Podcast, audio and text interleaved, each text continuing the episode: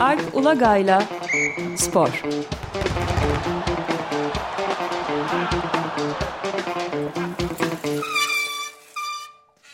Günaydın Alp, merhabalar. Günaydın Ömer Bey. Günaydın. Gün, günaydın Özdeş. Evet, bağlantıda ufak bir sorun var galiba biraz yavaş geliyor ama tamam. Ee, bugün e, spor konumuzda ne var? Bir önce Türkiye'deki durumla girelim. Durum derken bu hakem meselesinden sonra futbol yönetiminin tamamen alaşağı olmasıyla ilgili tabii. Biliyorsunuz işte herhalde bir iki kere konuştuk.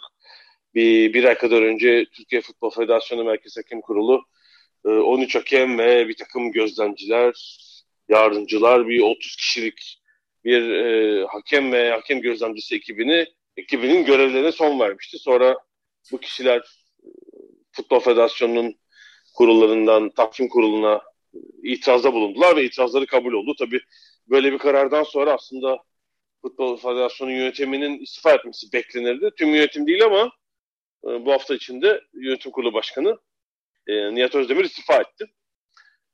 Herhalde 3 yıldır Türkiye Futbol Federasyonu başkanıydı. 2019'dan beri olması lazım. Tam 3 yıl olmayabilir. E, ve yeni bir seçime gidilecek tahmin ediyorum. Şimdilik yardımcılarından Servet Yardımcı ilginç ismi de ilginç. Servet Yardımcı kendisine vekalet ediyor. İşte bir herhalde seçim yapılacak. Yani tabii çok Futbol Federasyonu iyice siyasi bir kuruma dönüştüğü için herhalde bu e, Cumhurbaşkanı'nın işaret ettiği bir kişi olacaktır yine. Böyle bir durum ama tüm futbol yönetiminin sarsıldığını söylemek lazım. Yani bu e, saçma sapan bir şekilde sezon ortası e, bir sürü hakemi zan altında bıraktıkları ve bunun gerekçesini de açıklamadıkları için zaten bence rezil olmuşlardı. Şimdi de bunun tabii sorumlularının e, bir hesap vermesi lazım. İşte Nihat Özdemir hesap vermeden görevden çekiliyor ama yani görevde devam etmeyecek. Öyle gözüküyor. Bu arada ilginçtir. E, yani herhalde %100 teyidinde alacağız. Cüneyt Çakır biliyorsunuz Türkiye'nin bir numaralı hakemi e, gelmiş geçmiş herhalde e, en büyük hakemi. Bu görevden el çektirilen 13 kişi arasındaydı ilk kararla. Sonra görevini iade edildi ama o 2022 Kasım Aralık ayında yapılacak Dünya Kupası'nda maç yönetmek istiyor. Bu sebeple yerel bir ya da ulusal birlikte maç yönetmesi lazım. İsviçre Futbol Federasyonu'na federasyondan sanıyorum bir teklif almış. Orada maç yönetmek için ama Türkiye Futbol Federasyonu'nun izin vermesi lazım. İşte herhalde bir, bir iki hafta yanıt vermemişler. Öyle mi? Ha ben de evet. onu soracaktım. Ne zaman Yeter. izin alabildi mi alamadı mı diye. Ee, sanıyorum bu şeyden sonra başkan değişikliği demeyeyim de yani Servet Yardımcı'nın vekaleten başkanlık koltuğuna oturulmasından sonra, oturmasından sonra bir yanıt vermiş Türkiye Futbol Federasyonu ve izin çıkmış anladığım kadarıyla. Yani Cüneyt Çakır herhalde İsviçre Ligi'nde maç yönetecek. Muhtemelen İsviçre'nin hakemleri olmuştur geçmişte ama yani oradaki tüm hakemlerden daha iyi olabilir şu anda seviyesi. Ya onlar da öyle anlıyorum ki e, seve seve kabul etmişler. Yani muhtemelen önümüzdeki işte hani belki bu sezonun kalan kısmı ve İsviçre'de sezon zaten erken başlar. İşte Temmuz-Kasım ayı arasında belki de gel, yani gelecek sezonun sonuna kadar 2023'ün Haziran'a kadar Cüneyt Çakır'ı İsviçre Ligi'nde izleyeceğiz. İlginç bir deneyim olacak. Güzel bence. Yani hem kendi açısından zaten çok uluslararası bir isim. Ee, hani futbolcu transfer olur da hakem niye olmasın? Güzel bir örnek olacak. Ee, şeyde bir cevap olur. Yani ben şimdi bu Cüneyt Çakır'la ilgili tepkileri falan görüyorum. İşte kendine gazeteci diyenler falan o kadar gözlerine fanatizm bürümüş ki insanlar. İşte Türkiye'de kötü hep kötüleme üzerine. Ee, ve hani Cüneyt Çakır'a veriştirme üzerine bir şey. Yani yani geri kalan sistem o kadar kötü ki ve izleyici de o kadar fanatikleştik ki. Ee, yani bence doğru değerlendiremiyorlar açıkçası. Evet, bu yani yüzlerine gözlerine bulaştırmışlar e, kelimeleri tam bu durum bu hakem meselesiyle ilgili de büsbütün net olarak söylenebilir bence. Tamamen hukuksuz gelmiş bütün geleneklerin filan da dışında olan diktatöryel bir karardı ve geri tepti. Üstelik de şimdi devamı da geliyor anladığım kadarıyla. Tabii tam öyle. Üstelik çok kötü yönetilen kulüpler kendilerini denetleyemedikleri ya da denetlettirmedikleri için e, sırf veriştirdikleri yer işte hakemler, hakem kararları. İşte ligde hakemler yüzünden düşüyoruz, şampiyon olamıyoruz vesaire. Saçma sapan bahaneler uyduruyor. Yani bu sezon ligde 7 aydır oyuncularına çalışanlarına maaş ödeyemeyen kulüp var. E böyle bir kulüp devam edemez zaten. Yani onun e, şu anda feshedilmesi lazım. Malatya Sporu, yeni Malatya Sporu kastediyorum. E, muhtemelen büyük ihtimalle muhtemelen değil küme düşecekler. Ama işte sezonu iptal olsun falan diye böyle çabalamalara giriyorlar yani. Düşme kaldırılsın falan diye bir takım futbolcu. 7 aydır maaş ödeyemiyorlar. Oyuncular, yabancı oyuncular tek tek sözleşmelerini feshetmeye başladı. Haklı olarak. Ya böyle bir kulüp varken hakemler en son konuşulacak konu. Yani, yani futbolcusuna maaş ödeyemeyen kulüp mü olur? Yani hemen fethedilecek. Malına mülküne el konulacak kulübün. İşte kimlerin alacağı varsa onları deneyecek. Böyle bir kulüp olmayacak ortada. Yapılacak şey budur yani. Bu durumda. Başka kulüpte vardır belki bilmiyorum. Yani şeyden bahsediyorum. Süper Lig'den bahsediyorum. Alt liglerde de belki vardır da. Yani futbolcularına, çalışanlarına maaş veremeyen kulübün başkanı çıkıp bir kelime edemez. Evet. İşte diğer kulüpler de başka sportif açıdan tabii çok işte biliyoruz. Kötü, kötü yönetiliyorlar. Kolay taraf şey. Hakemlere sallayalım. Neyse bakalım göreceğiz. Yani çünkü Cüneyt Çakır'ı da İsviçre Ligi'nde belki maç yönetirken e, görür. Sonra da bir, bir kez daha konuşuruz. Evet yani Nihat Özdemir'in de e, Türkiye'nin ve dünyanın en zengin kişilerinden biri olduğunu da hatırlatalım. Yani bir şirket yöneticisi, başkanı, inşaat şirketi değil mi esas itibariyle? Evet, bir müteahhit, büyük bir müteahhit şirket herhalde Türkiye'deki son dönemdeki bütün büyük projelerde yer alan. Ha, tabii işte şeye de geliyor yani bu kulüplerin yönetiminde olduğu gibi Türkiye Futbol Federasyonu yönetiminde de bu arkaiklik devam ediyor. Yani bir yönetim kurulu seçilebilir. Ama bu kişiler spor bugünün profesyonel spor yönetimini bilmezler. Bilemezler yani. Bu ne eğitimini aldıkları ne daha önce yaptıkları bir iş bir iş ve uğraş değil.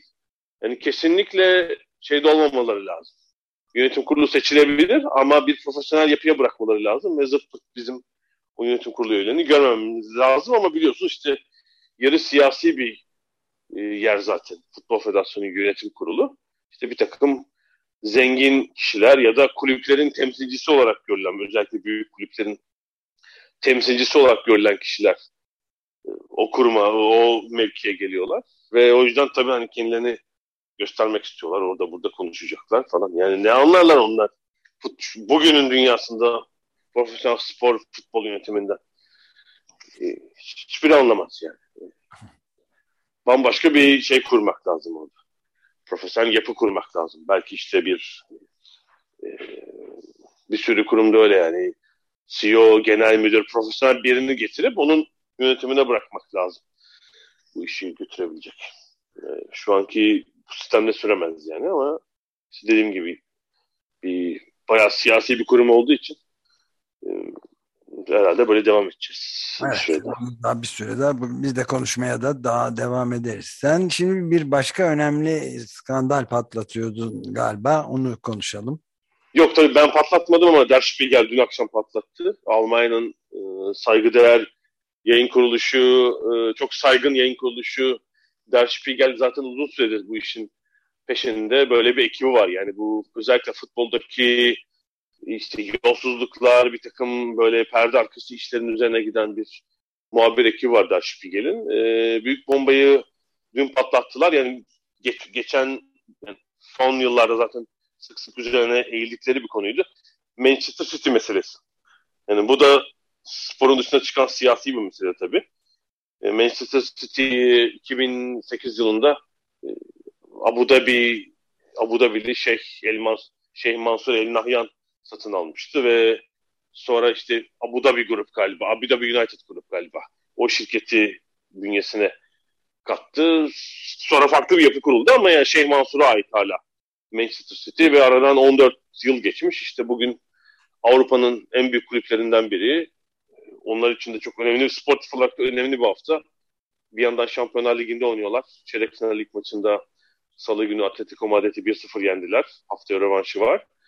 Pazar günü Liverpool'la belki de İngiltere Premier Lig'de şampiyonluğu belirleyecek maça çıkacaklar. Manchester'da çok acayip bir maç olacak. Türkiye saatiyle 6.30'da. Ee, öbür hafta sonu Liverpool'la bu sefer İngiltere FA Cup ve yarı finali oynayacaklar. Böyle hani çok e, sportif açıdan, futbol açısından cafcaflı bir dönem onlar için. Ama şöyle bir ilginç durum var. Herhalde iki hafta oldu yanılmıyorsam. Deloitte danışmanlık şirketi her yıl bu mevsim işte Şubat, Mart gibi dünyanın en zengin futbol kulüplerini açıklar. Futbol League. Orada ilk defa Manchester City birinci çıktı. Yani buranın geleneksel birincileri işte Manchester United, Real Madrid, Barcelona onlardır. Yani bu üçü dışında ben başka bir takım hatırlamıyorum. Yani Bayern Münih oralara yakındır ama hani üçüncüdür, dördüncüdür. Böyle bir liste. Yani İngiliz takımlarının zaten İngiliz kulüplerinin ağırlıklı olduğu bir listedir bu. Ee, sanıyorum bu senede ilk 20'de 12 e, ya da 10, 10 İngiliz takımı var. Normal Premier Lig'in temin ettiği gelirlerle böyle bir tablo olması normal. Bu sezonu ilk defa daha doğrusu geçen sezonun rakamları tabii yani 2020-21 sezonunun e, bu sezonun açıklanan listede ilk defa Manchester City birinci. Yani bütün işte Covid, pandemi buna bağlı etkilere rağmen gelirini arttırmışlar ve birinci sıraya çıkmışlar. Real Madrid'in, Barcelona'nın, işte Manchester United'ın de böyle bir ilginç bir durum. E, halbuki bu diğer rakipleriyle kıyaslandığında e, aynı tarihsel mirasa sahip değil tabii Manchester City. Yani aynı yani kendi ülkesinde de dünyada da aynı taraftar ve sempatizan kitlesine de sahip değil. Yani olması mümkün değil. Bu 15 yılda oluşturulabilecek bir şey değil. Çünkü bu Abu Dhabi United Group şey Mansur almadan satın almadan evvel Manchester City yani İngiltere'de işte orta yer bir takım hatta önceki 10 yılı sorunu geçirmiş. Üçüncü lige kadar düşmüş bir takımdı. Onların yaptığı inanılmaz yatırımla sadece İngiltere'nin değil dünyanın en önemli takımlarından biri haline geldiler. Şimdi Der Spiegel'in yaptığı araştırmada ki yani bir Alman dergisi biliyorsunuz ama hem Almanca hem İngilizce şeyden online olarak yayınladılar. Yani abonelik de istemiyor. İsteyen okuyabilir. E, spiegel.de slash international şeyin başlığın altında e, bu uzun dosyayı bulabilirler. E, sponsorship money paid for by the state diye bir başlığı var. Çok uzun kaç sayfa bilmiyorum. E, ek olarak da 67 sayfalık e, bir e-mail yazışmaları var. Kulüp ve sponsorlar Abu Dhabi'deki bir takım e, arasında yapışmaları var. Şimdi buradaki e, problem Manchester City yıllar içinde şunu söylüyordu. Biz evet yani çok büyük bir kulüp haline geldik. İşte sponsor gelirlerimiz var. Ticari gelirlerimiz çok yükseliyor. E, UEFA'nın soruşturduğu ve biraz geç soruşturduğu mesele, şu an Premier Lig yönetiminin de soruşturduğu mesele de aslında bunun bir sponsorluk parası olmadığı e, arka yollardan Abu Dhabi devletinin ya da devlete bağlı kurumların bu paraları ödediği yönündeydi. E, burada bir takım yazışmalar ve bir takım e, herhalde mali tablolarla bunun kanıtlarını sunmuş Der Spiegel. Yani aslında mesela Etihad Hava Yolları sponsor gözüküyor. Ama Etihad'a para e, şeyden gidiyor bir e, e, Abu Dhabi hükümetine bağlı bir kamu kurumundan gidiyor mesela. Sonra transfer Etihad'tan oluyor. Hani Etihad sponsormuş gibi. Ee, ya ben diğer sponsorlar için de benzer şeyler söz konusu. E-mail yazışmalarında da gözüküyor ki işte kulübün bir çalışanı diyor ki aman diyor işte şu Haziran'da bir 10-20 milyon pound'a ihtiyaç var. Aman hani onu hemen transferi yapalım. Ee, tamam deniyor. İşte öbürleri şeyden para istiyorlar. Ee, sponsor ekibi şeyden para istiyor. İşte Abu Dhabi yönetiminden falan.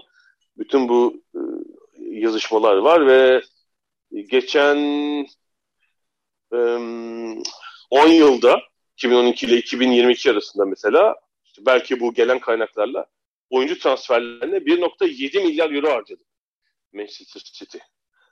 1,7 milyar euro inanılmaz muazzam, bir muazzam bir miktar yani evet, evet. ve bütün bunların da kökeninde e, bildiğimiz haliyle gezegenin yani medeniyetin sonunu da getirmesinden korkulan fosil yakıtla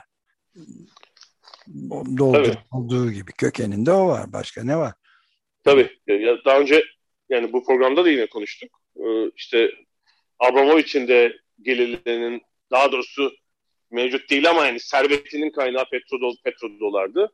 Ya, fosil yakıtlardı diyelim. Ee, aynı şekilde Paris Saint Germain kulübünü Fransa'da satın alan e, Katar Yatırım Otoritesi sanıyorum. E, o da bir e, fosil yakıt kaynaklı yatırımdı.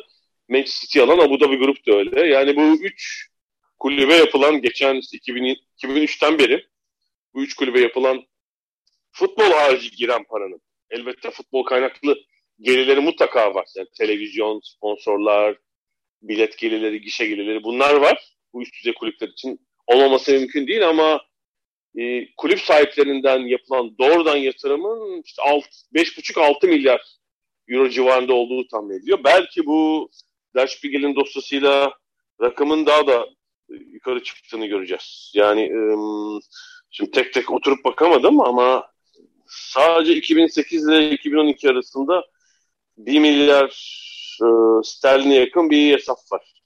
Yanılmıyorsam çok büyük bir meblağ söz konusu. Ee, yani ondan sonra tabii kulüp gelirleri belki doğrudan sermaye duymadı. Ama dediğim gibi yani 3 kulübün Avrupa futboluna yapay olarak soktuğu yaklaşık 6 milyar eurodan e, da asıl kaynağı işte fosil zengin devletler ya da takım e, kişiler e, çok acayip bir durum. E, bütün yani Avrupa futbol piyasasında değiştirdiler yani bu giren yapay parayla. E, şimdi bu kulübün işte sponsorlar sponsor kisvesi altında aslında hükümetten aldığı buradan kaynak ya da hükümete bağlı kurumlardan diyelim. E, bir de şey var mesela Roberto Mancini Türkiye'de de çalıştı. Galatasaray'ı çalıştırdı bir yıl Manchester City'den sonra.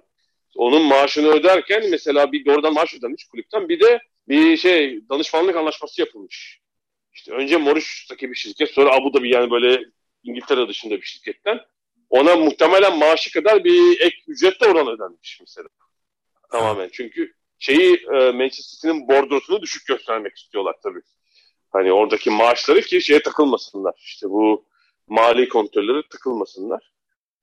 Ya, tamamen Mancini'ye böyle bir para ödenmiş. Kara para aklamaya dayalı ve bir sistem ve İngiltere dışından dedin ama yani Mauritius gibi ülkelerde zaten İngiltere'nin eski kolonisi yani sömürgesi ve tamamen kara para aklama cennetleri, vergi cennetleri falan olarak çalışan bazı yerler var. Bunlar da işin içinde. Büyük bir skandaldan bahsediyoruz. Bayağı büyük çapta. E, bir de e, FIFA'nın kurallarına aykırı olarak yani genç oyunculara, 16 yaşından küçük oyunculara ve ailelerine verilen şeyler var. Sırf onlar Manchester City genç takımlarına oraya gelebilsinler diye. Çünkü e, aslında dünyada 18 yaş altı oyuncu transferi e, belli çok böyle e, özel şartlar dışında yasak. Aha, Avrupa Birliği içinde 16-18 yaşa bir istisna vardı. E, o zaman tabii İngiltere Avrupa Birliği üyesi bir ülkenin sınırları içindeydi yani Birleşik Krallığı.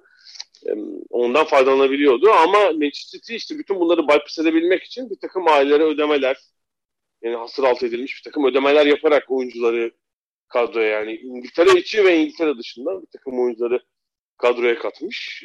Bunlarla ilgili şeyler de var. Bir takım yazışmalar ve belgeler var. Yani işte dediğim gibi sponsor olmayıp yani sponsor gösterilip e, aslında bir kamu kurumundan, devlete bağlı kurumdan gelen ödemeler, e, bordo dışı yapılan ödenen ücretler ve FIFA'nın ya da futbolun kurallarına aykırı transfer edilmeye çalışan genç oyuncular. Başlı başına bir aslında skandal ama işte kimse Manchester City'ye bugüne kadar ciddi bir yaptırım uygulamaya yanaşmadı. UEFA soruşturma açmıştı iki sene önce herhalde ama e, soruşturma açmakta çok geç kalmış. Çünkü inceledikleri dönem 2000 herhalde 11 2010-15 dönemiydi galiba. Yani UEFA soruşturma o kadar geç açmıştık soruşturmayı e, şeye takıldılar. Yani zaman, zaman engeli. E, zaman aşımı. Zaman aşımı. Kelimeyi bulamadım pardon. Zaman aşımına takıldı ve usulen iptal oldu şey. Ceza almadı. Aldıkları ceza iptal oldu daha doğrusu. Yani neresinden bakarsan bak katmerli bir e, rezaletten, skandaldan bahsediyoruz ve burada şimdi önümüzde üç tane büyük kulüp var. Yani ikisi İngiliz, biri Chelsea, biri Manchester City, bir de Fransa'dan Paris Saint Germain. Yani bu bildiğimiz, takip ettiğimiz çeşitli halkların devamlı olarak taraftarların yakından izlediği, heyecanla izlediği kulüplerde e, ar arka planda dönen dolapların haddi hesabı yok yani. Büyük bir çürümüşlüğün belirtisi yok mu ortada? Ne diyorsun? E, e, futbol konsolsuz bir alan kaldı biraz açıkçası. Çünkü aslında hala çok büyük bir sektör değil. Yani dünya ekonomisiyle kıyaslandığında işte dünyanın en değerli kulübü nedir? İşte Amerika'daki bir takım spor kulüpleri var. İşte Avrupa'da işte Manchester United falan yani bunların değerleri nedir? Aa, Amerika'da biçilen değer işte 6 milyar dolar. 6,5 falan. Yani dünyanın en büyük şirketlerini düşünelim. Şu an piyasa değeri değil mi? Apple 3 trilyon dolara yakın. 3 trilyon. Hani bir spor tak en değerli spor takımıyla kıyaslandığında arada işte 400 kat falan var. Hani hala bununla diğer dünya ekonomisiyle kıyaslandığında hala ufak ama çok hızlı büyüyen bir sektör. Yani e, son 20 yıl içinde çok fazla yatırım para girdi. E, kitlelerin büyük bilgisi de var doğal olarak. Çok hızlı büyüyen bir sektör ve yeterince regüle edilmiyor. Şimdi İngiltere'de ciddi bir tartışma var. E, hatta kültür işlerin, kültür, spor, dijital tüm bu işlerden sorumlu bakan e, Nadine Dorries açıkladı. E, bir sonraki seçime kadar e, futbolu regüle edecek bir şey kuracak. Bağımsız kurum kurmak istiyorlar. Bunun için çalışmaya başladılar. Altyapısını oluşturacaklar. Yani İng- İngiltere için tabii bu söz konusu. Tüm Premier Lig, Futbol Lig, Futbol Federasyonu, e, işte Profesyonel Futbolcular Birliği hepsini kapsayacak bir yönetim alanı olacak bu bağımsız kurulun ve işte buradaki herhalde e, harcamalar, e, taraflar arasında ilişkiler hepsini denetleyecek bir yapı olacak. Kulüpler de çok sıcak bakmıyorlar. Sebebi de bence şey, özellikle Manchester City buna karşı. Tabii buradaki zayıf denetim yani bu alandaki. Kimin e, nereye para harcadığı çok belli değildi geçen 20 yılda. Şimdi buraya bir denetim getirilmek isteniyor. Bakalım yani. Yani ölme şeyim öyle ölme vaziyeti var yani. E işte önce tabii herhalde bir rapor hazırlanacak. Sonra yani bir süreç alacak muhtemelen. Bir herhalde iki yıllık bir süreci vardı diye düşünüyorum bu. Ee, yani bence faydalı olabilir böyle bir şey ama bu tabii sadece İngiltere için. Yani Avrupa çapında e, böyle bir şey yok. Yani bunun denetleyicisi e, özellikle üye ülkeler için biraz Avrupa Birliği ya da komisyonu gibi duruyor. E, bilmiyorum nasıl şey olacak. E, nasıl çözülecek. İlginç bir e, yöne doğru gidiyoruz. E, işte Chelsea şu an satış halinde zaten. Bir takım e, tarih listesi de son 3 e, adaya indi galiba. Yani eskisi gibi öyle hesapsız para harcanmayacaktır mesela. Özellikle Amerikalılar satılırsa öyle olmayacak ama yani Manchester City için e, aynı şey söz konusu değil. Yani Paris Saint Germain için onlar harcamaya hazırlar yani daha. evet biz de e, açık gazete olarak talepte bulunduk ama galiba alamayacağız. Yetmeyecek paramız. evet işte bir iki ortak toplarsak şöyle milyarder bir iki milyarder tanıdık bulursak belki olur. Artık bulunur. Rusya şey İstanbul'da çok. İstanbul'da evet Rus oligarklar doluymuş. Ama nakit şeyleri varmış. Yani nasıl verecekler? Nakit keş var mı keş? Nakit var, var var getiriyorlarmış buraya getiriyor. Ruble ruble. Çanta çanta getiriyorlarmış hem de. evet. Bavul ticaretinin yeni versiyonu. E biliyorsunuz öyle bir bu hafta içi işte palavra çıktı. Roman Abramovich Göztepe olacak falan diye kulüp yalanladı. Gerçekten. evet evet. Yani işte 4-5 hafta önce baş bir Türk adamı için, iş adamı için çıkmıştı. Chelsea satın olacak diye bir palavra çıktı biliyorsunuz. Her yerde defalarca röportaj verdi. Ee, ismini almayayım yani. Boşuna reklam olmasın sırf onun için çünkü. Yani diğer 3 milyarı vermek e, herhalde e, bir şöyle bir silkelesek yani 10 milyonu çıkmaz üzerinde. Adam bol bol reklamını yaptı. Hani sonra alırsak ismini değiştireceğiz. Açık Chelsea diyeceğiz. Açık Chelsea güzel sponsoruyla. Forma reklamı olarak. Evet. Güzel.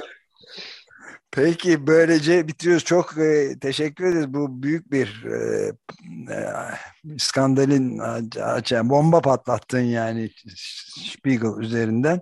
Çok iyi. Ee, dediğim gibi e, şey, e, açık eriş, erişime açık Spiegel'in dosyası yani Almanca ve İngilizce olarak çünkü biraz abonelik çalışıyorlar. Her şeyi okutmuyorlar artık. Çok uzun bir dosya. Oradan yani tüm dinleyiciler erişebilir elbette bu dosyaya. E, son bir şey Daily Mail'in araştırmacı spor muhabiri Nick Harris var. O böyle bir e, thread olarak paylaştı Twitter'da bazı noktaları. E, sanıyorum dün geceden beri 1 milyon etkileşim almış. Onun paylaşımı. 1 milyon ve yani şey diyor yani İngiliz futbol, futbol severler taraftarlar merak ediyorlar diyor bu konu çok ilgililer. İnanılmaz bir etkileşim. Sırf yani orijinal kaynak olmamasına rağmen o aktarıcı. Evet. Böyle bir, milyon. Müthiş. Evet. Peki. Çok teşekkür ederiz. Haftaya e, programımız yok e, çünkü şeyde açık e, radyonun destek projesi içinde konuşacağız ama destekten bahsederiz.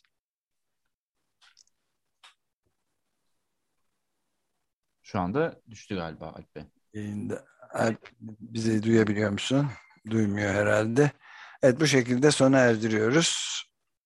Sonra konuşuruz.